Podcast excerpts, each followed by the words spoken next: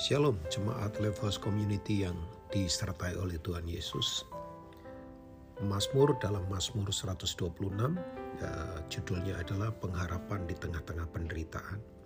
Ya, apa itu harapan? Harapan itu adalah aspek uh, dari iman yang berhubungan tentang masa depan kehidupan. Makanya harapan itu selalu akan menggerakkan kita bergerak ke depan. Ya, sebab harapan itu tidak pernah mundur ke belakang karena di belakang apa yang sudah terjadi di waktu lalu pas itu tidak ada lagi harapan. Jadi kita boleh pernah gagal, tapi jangan terpenjara oleh kegagalan kita, ataupun kita pernah berhasil, jangan terpenjara oleh kesombongan masa lalu kita. Sebab Tuhan kita adalah Tuhan selalu menggerakkan atau menuntun kita bergerak selalu ke depan. Nah, dalam konteks ayat 126 saya akan bacakan di ayat yang ke-5 sampai ayat yang ke-6. Orang-orang yang menabur dengan mencucurkan air mata, ya, Mazmur 126, akan menuai dengan bersorak-sorai. Orang-orang yang berjalan maju dengan menangis sambil menabur benih, pasti pulang dengan sorak-sorai sambil membawa berkas-berkasnya. Jadi di ayat-ayat ini harapan itu bukan kemudian semua persoalan hilang ataupun kemudian uh, semua hal yang terjadi yang gak enak Tuhan tolong. Oh ya, tapi harapan itu sebetulnya bicara satu pribadi yaitu Yesus Tuhan, Tuhan Yesus. Makanya di tengah situasi apa pun, Bapak Ibu, uh, Tuhan tidak pernah uh, tidak pernah memberi, uh, maksudnya tidak pernah tidak memberi pada kita harapan. Nah, tanda orang kehilangan harapan itu biasanya hidupnya adalah apa namanya apatis. Ya, gue sera-sera saja. Ya, apa yang terjadi terjadi saja. Padahal Tuhan tidak mau kita begitu. Ya, kehilangan pengharapan itu juga bisa membuat orang uh, mengalami apa tekanan dan kemudian dia tidak bisa menyembah dan bersyukur pada Tuhan.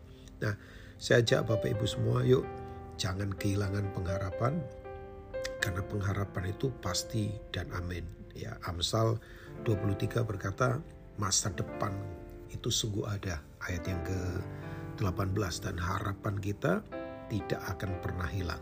Ya, saya aminkan itu.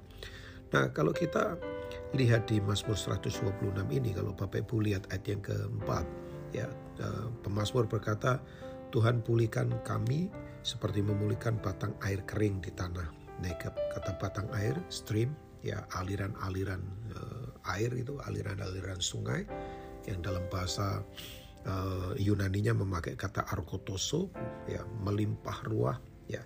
Nah kita tahu tanah Negeb itu adalah kalau saudara pernah ke Israel, misalnya turun di Ben Gurion, di airport Ben Gurion, itu saudara kalau ke arah selatan, maka itu adalah dataran padang gurun yang sangat panas, ya.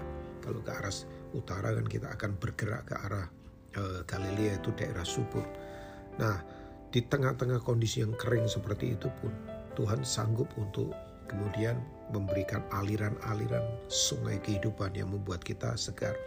Makanya di pasal 126 ini misalnya kalau Bapak Ibu baca ayat yang kedua ya Tuhan mau supaya kita ini tidak kehilangan untuk tetap uh, memuji dan memuliakan Tuhan.